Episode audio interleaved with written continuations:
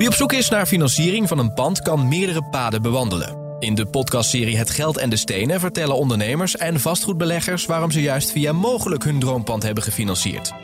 Luister de podcastserie via bnr.nl of je favoriete podcast-app.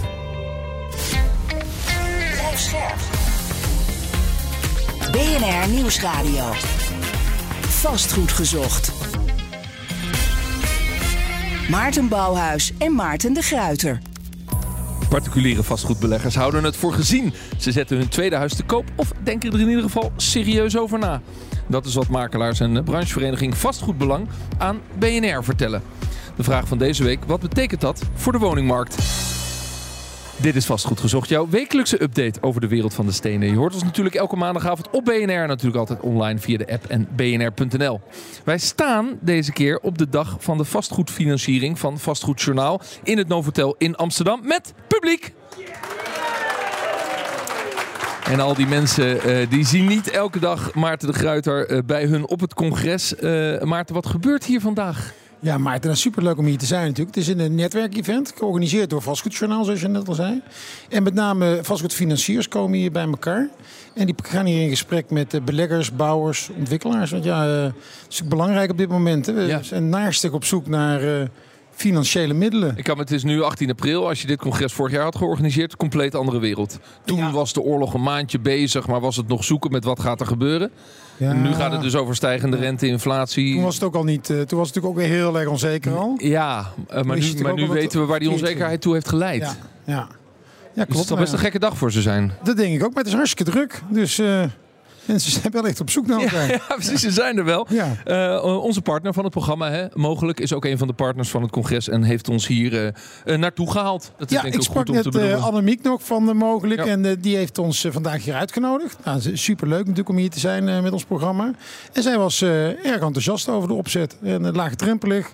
Uh, inhoudelijke sessies met goede panelleden. En, uh, en, en, dat je op één dag iedereen kan, uh, kan spreken. Lekker dagje. Nou, onze ja. luisteraars zijn er.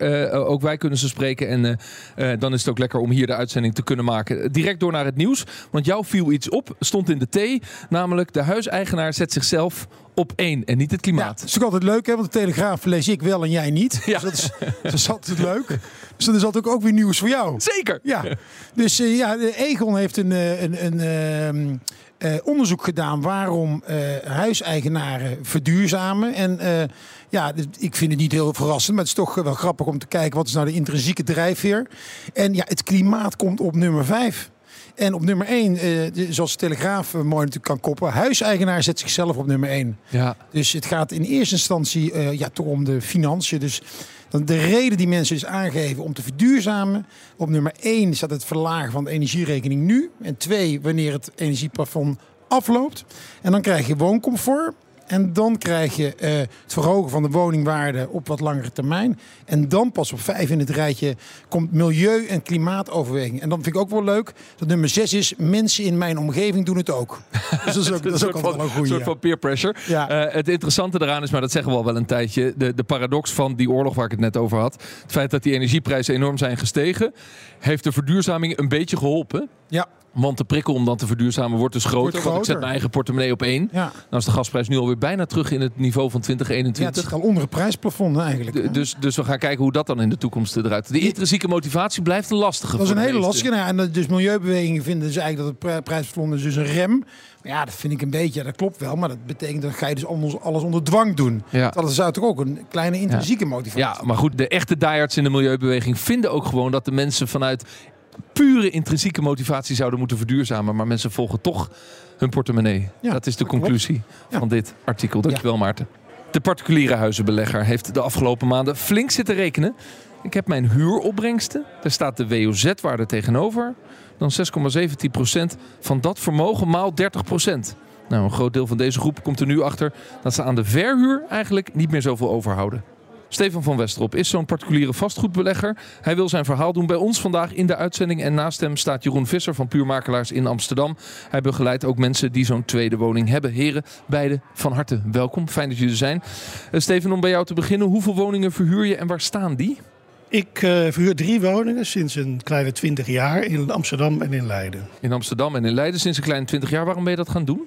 Nou, ik had een woning uh, van mijzelf. En toen probeerde ik naar Amsterdam te verhuizen. Een hele onzeker bouwproject. Toen dacht ik, nou dan verhuur ik tijdelijk mijn woning in Leiden... om die periode te overbruggen. Dus eigenlijk permanente verhuur geworden. En later kwam ik een klusproject tegen in Amsterdam Zuidoost. Heel leuk. Toen dacht ik, oh, ook interessant. Stap ik in. En later was er nog een nieuwbouwwoning die niemand wilde hebben. En ik wel. En die heb ik ook nog toegevoegd. Ja, je bent eigenlijk een kleine verhuurder. Ik beleggen bijna een belediging inmiddels. Want, ja, maar is het dan uit toevalligheid geboren of is er ook een strategische reden om het te gaan doen? Precies, ja. Toen ik 47 was ben ik uit dienst getreden. Dus uit loondienst zelfstandig geworden. Dat was een vrij onzekere periode in 2009. Zoals jullie weten was dat de vorige financiële crisis. Dus van ja, ja, ja, je moet toch ook wel iets met je pensioen doen als je op die leeftijd begint te komen. Toen dacht ik, nou die verhuur dat gaat mij helpen als arbeidsongeschiktheidsremedie. Uh, dat is ook onbetaalbaar. En als potentiële pensioenvoorziening. Ja. Nu ben ik 61. Nu denk ik, ja oké, dus dit is niet gelukt. Dit gaat mis. Wat gaan we doen? En ik had al een eerdere poging gedaan om pensioen te regelen via een mooie verzekeraar. Dat bleek een enorme woekerpolis te zijn. Dus een aanvullend pensioen wat niet meer oplevert dan de mm. inleg. Dus dat was plan 1. Plan 2 is dit. Dus ik ben nu toe aan plan 3. Ja. wat, wat, is, wat, is, wat is een beetje, denk je, het rendement wat je gemiddeld over die 20 jaar hebt gemaakt op die, op die woningen? Ja, waardestijging tel ik niet mee. Want ik heb ook verhuurd toen de woning in 2012 zwaar onder water stond. Ja. ben ik ook gewoon doorgegaan. Dus hey, was je directe rendement? Ik denk 5, 6 procent. Ja.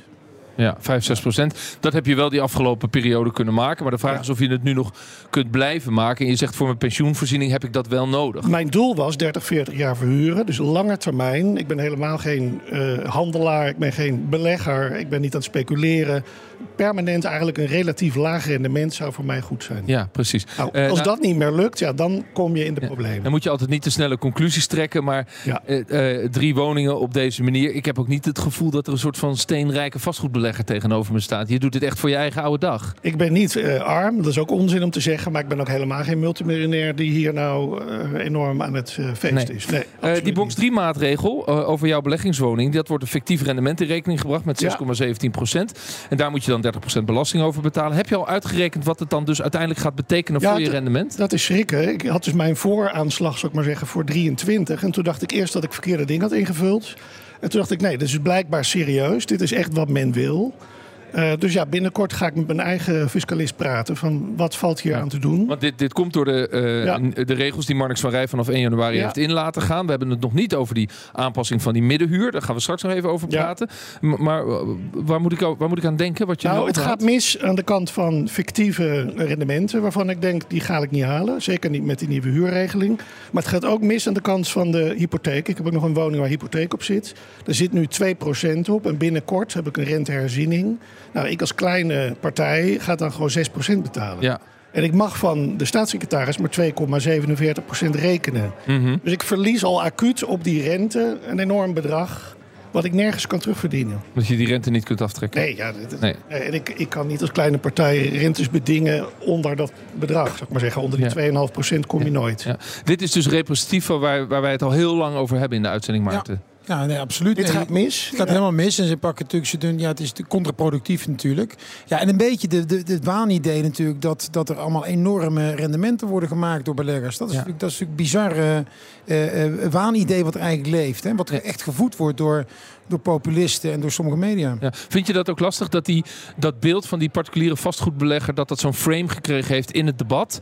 En, en dat jij steeds als je die artikelen leest van ja, dat gaat over mij... maar je, je voelt je daar niet, laten we zeggen, je voelt je niet zo. Ik vind dat echt heel naar. Ook op verjaardagen, partijtjes. Als mensen even met je praten, dan beginnen ze een klacht over een verhuurder. Dan zeg ik heel snel, by the way, ik verhuur ook. Wordt het iets rustiger. uh, maar ook als je vraagt, wat is nou de reden van de oorzaak? Ja, dat zijn de beleggers. Dus dat ben ik. Ja. Dus ik ben nu de oorzaak van 80 jaar woningnood. Ja, dat is natuurlijk volstrekt. Ja, maar jij, zegt, jij noemt het nog een debat. En ja, ik vrees toch dat, dat, dat deze groep het eigenlijk al gewoon verloren heeft. Het is, dat is toch wel heel dramatisch. Ik zie daar geen debat meer eigenlijk. Uh, Jeroen Visser, je hebt een makelaarskantoor in Amsterdam. Hoe vaak heb je de afgelopen maanden mensen zoals uh, Steven gesproken over deze box 3 problematiek? Ja, eigenlijk is dit het. Uh, drie keer per dag heb je, heb je mensen aan de lijn die daar serieus vragen over hebben. En dan gaat het van wat gaat er met mijn huidige huurcontract uh, gebeuren? Nou, dat is gelukkig ligt dat vast. Maar hoe zit dat volgend jaar? En uh, met name met die puntentelling. Die, ehm, ja, die, die, die hakt er heel hard in, om het maar zo te zeggen. Er zijn er al veel huurders die hun huurcontract ook daadwerkelijk op gaan zeggen, omdat ze denken dat ze minder huur hoeven te betalen. Nou, het, het, gekke is dus dat de, de huurders zijn enorm toegenomen. Er zijn nu, eh, eh, als je een woning te huur zet, dan komen er zomaar 50, 60 huurders op af. En die zijn bereid om over te betalen.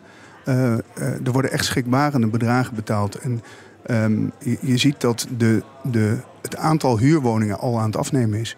Ja. Eh, eh, een derde van ons eh, huidige aanbod is een box 3 woning die verkocht wordt. Ja. En ehm, de- de- we deden veel aankopen voor particuliere één, twee woningen eh, erbij. Dus inderdaad de, de, de kleine belegger.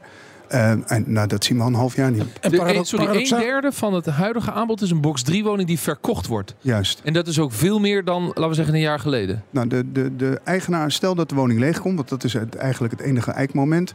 Dan kan je er nu voor kiezen of ik zet hem weer te huur, al dan niet op een tijdelijk contract of een lang contract.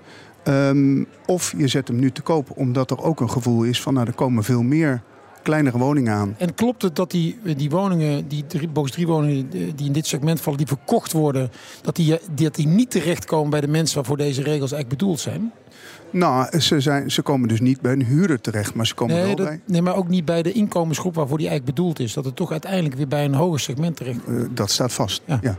Oh, dat nee, dat zijn allemaal eh, twee, eh, vaak drie keer modaal Ja, inkomen. dus, Maar dus, goed, dus, dus het die groep. Die groep particuliere verhuurders, die zet dus nu hun tweede of hun derde huis, nou ja, hun huis wat ze hebben voor hun pensioen, weer te koop. Dat is eigenlijk wat er gebeurt. Of ze zetten hem te koop, of ze kiezen voor eh, een, weer een, een contract en hopen dat over drie jaar eh, Den Haag heeft Ja. ingezien dat die hele middensegment. Maar, en als het te koop komt, dat betekent dat er, eh, eh, laten we zeggen, huurwoningen in de vrije sector van de markt afgaan. Want de nieuwe koper is er iemand die er gaat wonen. De inschatting die er nu is, en, dat, en dan geldt dat even voor Amsterdam, dus dat 70% van de particuliere huurwoningen uitgepond zal worden de komende jaren. Ja. Steven, wat, wat zie jij in Leiden? Want je zegt, ik heb Leiden en Amsterdam, maar we moeten altijd wel een beetje vaststellen in Ja. dit programma. Amsterdam is wel een beetje anders dan de rest van Nederland. Ja. Eh, eh, heb je een beeld van wat er in Leiden dan aan de hand is op die, op die Nou, huurmarkt? bij mij als gewoon kleine verhuurder speelt eh, de lasten ten opzichte van de opbrengsten. In Leiden heb ik nog een hypotheek. Nou, die hypotheek gaat naar 6%. Ja, dan gaat het mis. Ja. Dan, dan moet ik ze Maar dat stoppen. betekent dat eh, je overweeg je hem om, om die ja, woning te ja, gaan ja, verkopen? ja, ja, ja, ja. Ja. Dan verkoop je hem, dan haal je ook niet het rendement wat je in 2021 Nee. zou halen. Klopt. Dus, Want de prijs is ook gedaald. ja.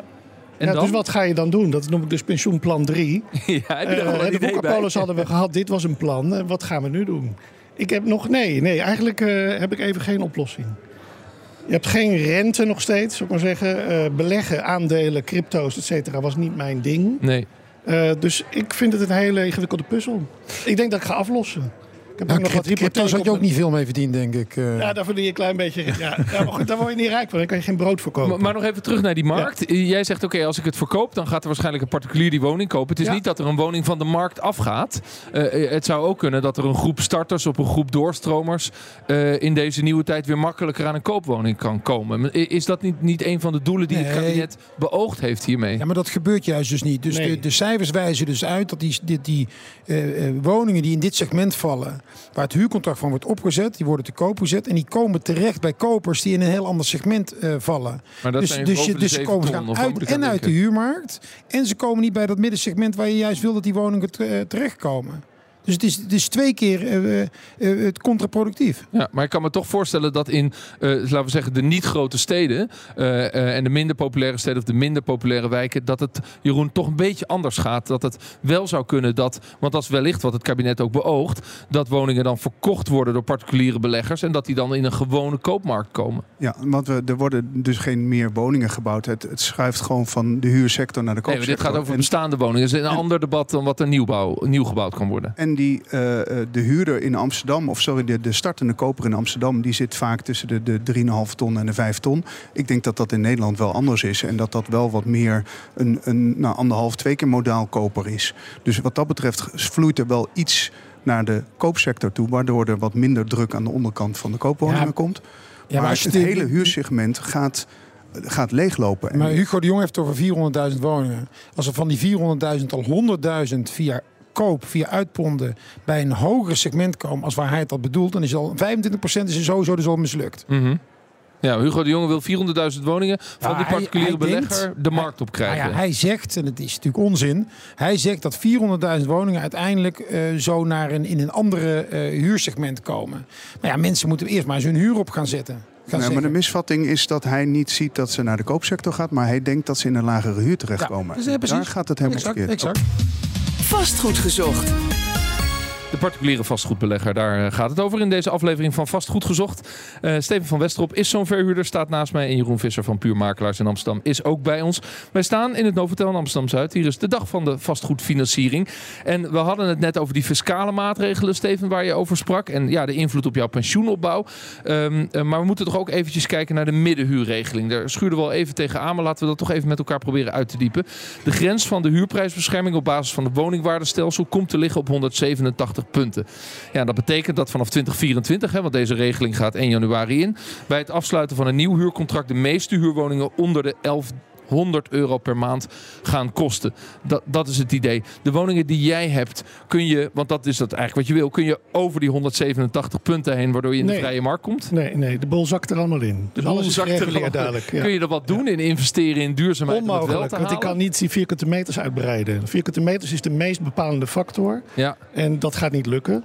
En bovendien, dat systeem voor die huurpunten is natuurlijk ook nogal oudbollig. Ik zal een voorbeeld noemen. In Zuidoost zijn woningen aangesloten op stadsverwarming. Zou je denken, krijg je punten voor? Nee, een gasketel levert meer huur op dan een woning op stadsverwarming. Leg mij dat even uit. Je die stadsverwarming Dus, ja, relatief ja, makkelijker kunt Om maar even aan te geven eh, hoe oudbollig dat systeem in Ja. elkaar zit... op basis waarvan die huur bepaald wordt. Ja, dus die ga je onder die 187 punten vallen. Ja. Is de huurprijs bij die woningen van jou nu boven de 1100 euro? Eh, eentje zit er redelijk boven. Die moet dan honderden euro's naar beneden. ja, maar dat gaat pas gebeuren. Moet jij dat verplicht als verhuurder doen? Of gaat dat pas gebeuren als zo iemand naar de huurcommissie gaat? Dat zijn hele moeilijke vragen die je nu stelt. Dat weet je weet ik ook zelf nog niet. Nee, de, de huidige huurder blijft zitten. Bij een nieuw, nieuw Ja. huurcontract ben je eh, dwingend recht. Eh, je moet echt naar beneden.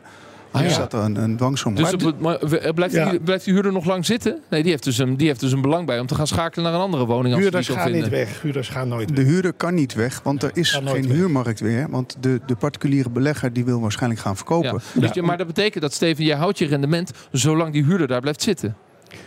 Niet in combinatie met box 3. Ja. Box 3 doet mij de das om. net over. Maar als het Ja. gaat over de middenhuur, zolang die huurder blijft zitten, ga jij niet naar de 1100 euro. Ja, maar toe. zodra die huurder zegt ik eh, ga terug naar Chili of China of waar ze vandaan komen, dan trek ik mijn conclusie en dan Ja. moet ik afscheid gaan nemen. Dus je gaat verkopen als je je huurder. Ja, eh, nou ja, bent. verkopen met huurder is natuurlijk ook eh, vrij rampzalig.